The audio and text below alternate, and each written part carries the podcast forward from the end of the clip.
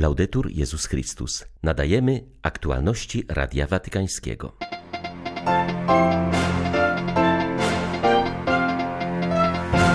Moc Ducha Świętego czyni nas żywymi kamieniami wspólnoty Kościoła, odpowiedzialnymi za jego budowanie, przypomniał papież młodym pielgrzymom, których przyjął na audiencji.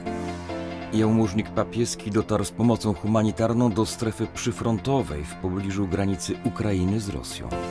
Po wyborze logo dykasteria do spraw ewangelizacji ogłosiła dzisiaj konkurs na hymn jubileuszu roku 2025. Jego tematem będzie motto, które tworzą słowa pielgrzymi nadziei. 17 września witają Państwa Krzysztof Brąk i ksiądz Krzysztof Ołdakowski. Zapraszamy na serwis informacyjny. Nauczanie świętego Piusa V jest dla nas przede wszystkim zachętą do poszukiwania prawdy. To Jezus jest prawdą nie tylko w sensie ogólnym, ale również w wymiarze wspólnotowym i osobistym powiedział Franciszek, przypominając o 450. rocznicy śmierci tego wielkiego papieża i reformatora kościoła z doby Soboru Trydenckiego. Z tej okazji do Rzymu przybyła pielgrzymka diecezji północno-włoskiej Alessandrii, z której pochodził ten papież dominikanin. Jego pontyfikat trwał zaledwie sześć lat. Jako reformator podejmował odważne decyzje, zajmował się między innymi reformą liturgii to właśnie jego imię nosił wydany po soborze mszał. W ostatnich latach dużo się mówiło o liturgii, przede wszystkim o jej zewnętrznych formach. Trzeba jednak dołożyć większych starań, by celebracja Eucharystii stała się rzeczywiście źródłem życia wspólnoty. Liturgia bowiem na skrzyżowaniu dróg wspólnoty, jak i wobec krzyży życia każdego z nas, wprowadza nas w kapłaństwo Chrystusa i obdarza nas nowym sposobem życia, który święty Paweł ujmuje tymi słowami: Raduję się w cierpieniach za was i ze swej strony w moim ciele dopełniam braki udręk Chrystusa dla dobra jego ciała, którym jest Kościół. W tej samej audiencji uczestniczyła też młodzież z innej włoskiej diecezji, z Poleto Nursia. Byli to młodzi, którzy otrzymali sakrament bierzmowania bądź przygotowują się do jego przyjęcia. Papież nazwał ich nowym pokoleniem chrześcijan, młodymi uczniami Jezusa. Nawiązał przy tym do tragicznego trzęsienia ziemi, które sześć lat temu nawiedziło ten centralny region Włoch. Życie chrześcijańskie to dom, który buduje się na fundamencie chrztu. Wy pochodzicie z terenów, gdzie na skutek trzęsienia ziemi zawaliło się bądź zostało uszkodzonych wiele budynków. Wiecie, jaka jest różnica między domem solidnym, który jest odporny na wstrząsy, i domem kruchym, który się rozpada. Przywieźliście dziś do mnie kamień ze starego opactwa świętego Eutychiusza, aby został pobłogosławiony i stał się symbolem odbudowy tego miejsca. Otóż, drodzy chłopcy i dziewczęta, dziś błogosławię każdego z Was, abyście stali się żywymi kamieniami, z których zostanie zbudowana wspólnota chrześcijańska. Jest to możliwe dzięki mocy Ducha Świętego, który w bierzmowaniu umacnia Was jako chrześcijan, dzieci Boże i członków Kościoła.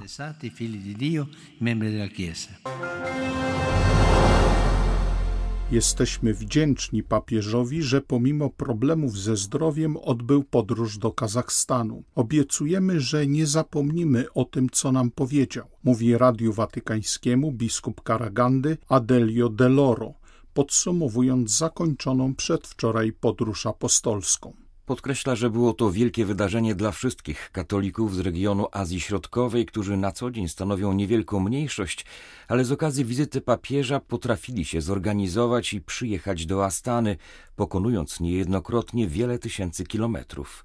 Czuliśmy, że należymy do wielkiej wspólnoty Kościoła, mówi biskup Dell'Oro. Uderzyło mnie również, że we mszy z papieżem uczestniczyło bardzo wielu niekatolików. Przyciągnęła ich obecność i postawa papieża. Jest to znak, że kiedy człowiek odkrywa jakieś wydarzenie, jakąś obecność, która jest znacząca dla jego życia, to jego serce za tym idzie i chce w tym uczestniczyć. To, że jesteśmy małą wspólnotą, czy jak powiedział Benedykt XVI podczas naszej ostatniej wizyty ad limina, małym zalążkiem, sprawia, że nie mamy o sobie wielkich wyobrażeń. Ale właśnie dzięki temu, że jesteśmy mali, Pan może w jeszcze większym stopniu przez nas działać. I dlatego uderzyło mnie, jak mocno papież zachęcał, abyśmy nie zamykali się w naszych kościołach, ale byśmy byli znakiem Jezusa dla wszystkich i żyli razem dla innych w społeczeństwie.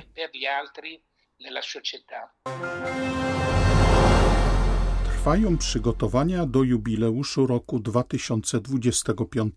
Po tym jak wybrano już logo tego wydarzenia, odpowiedzialna za jego organizację dykasteria do spraw ewangelizacji ogłosiła właśnie konkurs na hymn. Tematem pozostaje motto Pielgrzymi Nadziei, wybrane przez papieża na zbliżający się rok jubileuszowy. Zaproponowano już tekst włoski napisany przez Pierangelo Sequeriego.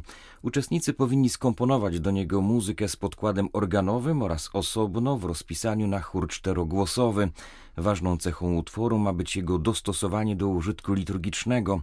Po wyłonieniu zwycięzcy organizatorzy zajmą się tłumaczeniem hymnu na inne, ważniejsze języki. Konkurs otwarto dla każdego chętnego, a wzięcie w nim udziału jest darmowe. Propozycje będzie można składać od 16 stycznia do 25 marca przyszłego roku na stronie internetowej jubileuszu 2025, gdzie już teraz znajduje się pełny regulamin po włosku. Jałmużnik papieski kardynał Konrad Krajewski pozostał kolejny dzień w Zaporożu, 20 kilometrów od linii frontu. Dotarł dzisiaj do mieszkańców i żołnierzy, którzy od 200 dni żyją pod stałym ostrzałem ze strony Rosjan. Prefekt dykasterii do spraw miłosierdzia wyjechał rano busem z biskupem Janem i biskupem protestanckim Andrzejem oraz towarzyszącym im żołnierzem z Zaporoża w stronę granicy z Rosją. Zabrał ze sobą transport z pomocą humanitarną i żywnością. Cały czas są Rosjanie, ale są też tam ludzie, którzy pozostali i z różnych przyczyn nie wyjechali. Jest około 4000 ludzi, pojechaliśmy do nich. Oni gromadzą się, wiedzą w jakich punktach. Tam podjeżdżaliśmy, oczywiście z wielkimi trudnościami do przedostania się do tej strefy wojennej, ponieważ tam nie ma żadnych praw, tam nie ma, nie ma żadnego kodeksu, po prostu Rosjanie strzelają do wszystkiego, co się rusza. Przestrzegano nas i pouczano, że należy zostawić tylko jedzenie i szybko uciekać, żeby też tych ludzi nie narażać, bo wszędzie, gdzie się gromadzą, Rosjanie od razu strzelają. I tak też było niestety, że w jednym z miejsc między blokami nagle padły rakiety i, i dobrze był z nami żołnierz i powiedział, gdzie uciekać, jak uciekać, bo pierwszy raz w życiu nie wiedziałem, w którą stronę uciekać. Ale ta pomoc jest konieczna. Rozdaliśmy wszystkim różańce do Ojca Świętego, podobnie i żołnierzom. Nieważne, kto jakiego jest wyznania, Krzyż dla nich był, był najważniejszy, zakładali od razu przez głowę na, na szyję różańce od, od papieża Franciszka. Modliliśmy się przez chwileczkę na tyle, ile żołnierz nam pozwalał. Udzielałem błogosławieństwa wraz z biskupami, y, wszystkim tym obecnym i czym prędzej rozchodziliśmy się, żeby, żeby nie można było nas namierzyć, bo, bo wystarczy, że parę osób się zbiera i, i następuje od razu ostrzał. Podczas gdy ukraińska kontrofensywa sięgnęła obwodu ługańskiego, gdzie teraz toczą się dalsze walki, Rosjanie nie ustają w atakach na ludność cywilną w głębi kraju. Wczoraj szczególnie ucierpiały Krzywy Róg, Zaporoże i Mikołajów, czyli miasta na południu. Barbarzyńcy, zbrodniarze wojenni przemieniają ziemię ukraińską w przestrzeń śmierci, wskazuje arcybiskup Światosław Szewczuk. Zwierzchnik miejscowych grekokatolików przypomniał o chrześcijańskim obowiązku szanowania każdego życia. Tym bardziej kontrastowo brzmią informacje o odkrywaniu nowych śladów prześladowania ludności cywilnej przez agresorów na terenach dopiero co odbitych przez zbrojne siły Ukrainy. Na żal, na tych naszych terytoriach. Niestety, na tych naszych terytoriach, jakie zostały ostatnio wyzwolone od okupantów, zwłaszcza w obwodzie charkowskim, są odkrywane straszliwe sceny tortur i znęcania się nad ludnością cywilną. Wszyscy wiemy o miasteczkach Buczy, Borodziance, Irpieniu, Hostomlu w pobliżu Kijowa ale to, co staje nam przed oczami w Izjumie i w innych miejscowościach Charkowszczyzny, może być dziesiątki razy gorsze. Niedaleko Iziumu znaleziono olbrzymi grób, masowy pochówek, gdzie zidentyfikowano już ponad 400 niewinnie zabitych, zakatowanych ludzi. Wczoraj wszystkimi nami wstrząsnęły kadry z Bałaklii, gdzie w sali tortur na ciemnozielonej ścianie ujawniono wydrapaną przez więźnia modlitwę Ojcze Nasz. Można sobie tylko wyobrazić, jaką była ta modlitwa więźniów w rosyjskich salach tortur na ukraińskiej Charkowszczyźnie. Na ukraińskiej Charkowszczyźnie. Papież podczas podróży powrotnej z Kazachstanu zwrócił uwagę, że choć wszyscy dziś mówią o pokoju, to jednak jesteśmy w stanie wojny światowej. Obok konfliktu rosyjsko-ukraińskiego wymienił dużo innych miejsc, gdzie toczą się wojny. Wiele z nich znajduje się w Afryce dotkniętej terroryzmem i rebeliami. Czarny ląd od lat kojarzy się z niestabilnością i konfliktami zbrojnymi ze względu na częste informacje o kolejno wybuchających wojnach. W ostatnich tygodniach szczególnie cierpi ludność Tigraju, leżącego w północnej Etiopii, gdyż trwa tam ofensywa przeciwko rebeliantom.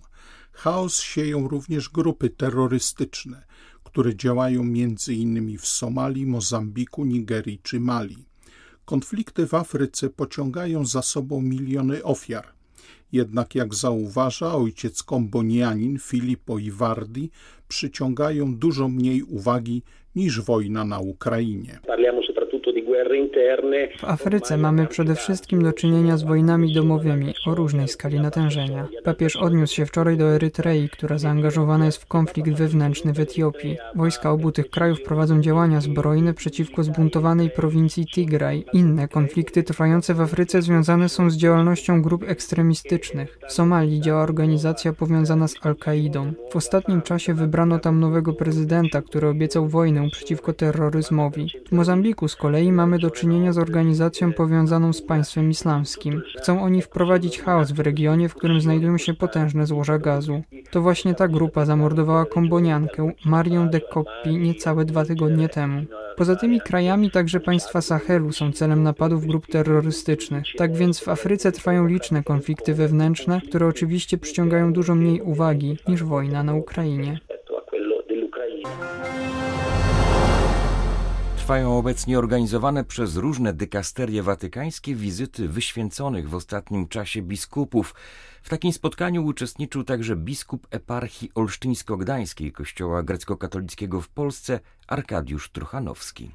Przy okazji pobytu w Rzymie hierarcha podzielił się z rozgłośnią papieską refleksją na temat nowego otwarcia w stosunkach polsko-ukraińskich. Jestem ogromnie, bardzo pozytywnie zaskoczony otwartością Polski. Polska pokazała coś niesamowitego przed całym światem. Polsce czasami zarzucano, że nie umieją przyjmować uchodźców, a wręcz przeciwnie, w stosunku wobec Ukraińców Polska zachowała się to jak nikt w Europie. Inni tworzyli coś innego, a Polacy otworzyli domy. Można powiedzieć, że obcy stał się członkiem polskich rodzin i to buduje, to po prostu bardzo pomaga, kiedy się słyszało od tych uchodźców, że gdzieś ich tam Rosjanie nastawiali, że Polacy was będą prześladować, Polacy was nie lubią, Polacy nie otworzą was domów. Oni mówią, że my byliśmy zaskoczeni, że Polska otworzyła domy, że Polacy nas przyjęli tak serdecznie, dzielili się z nami tym wszystkim, co mieli. Czasami ci ludzie, można powiedzieć, też nie mieli niczego, a jednak przyjęli. Rozumieli potrzebę przyjąć człowieka, który stracił dom, może stracił już i bliskich, oni przyjmowali i stawali się członkami tych rodzin.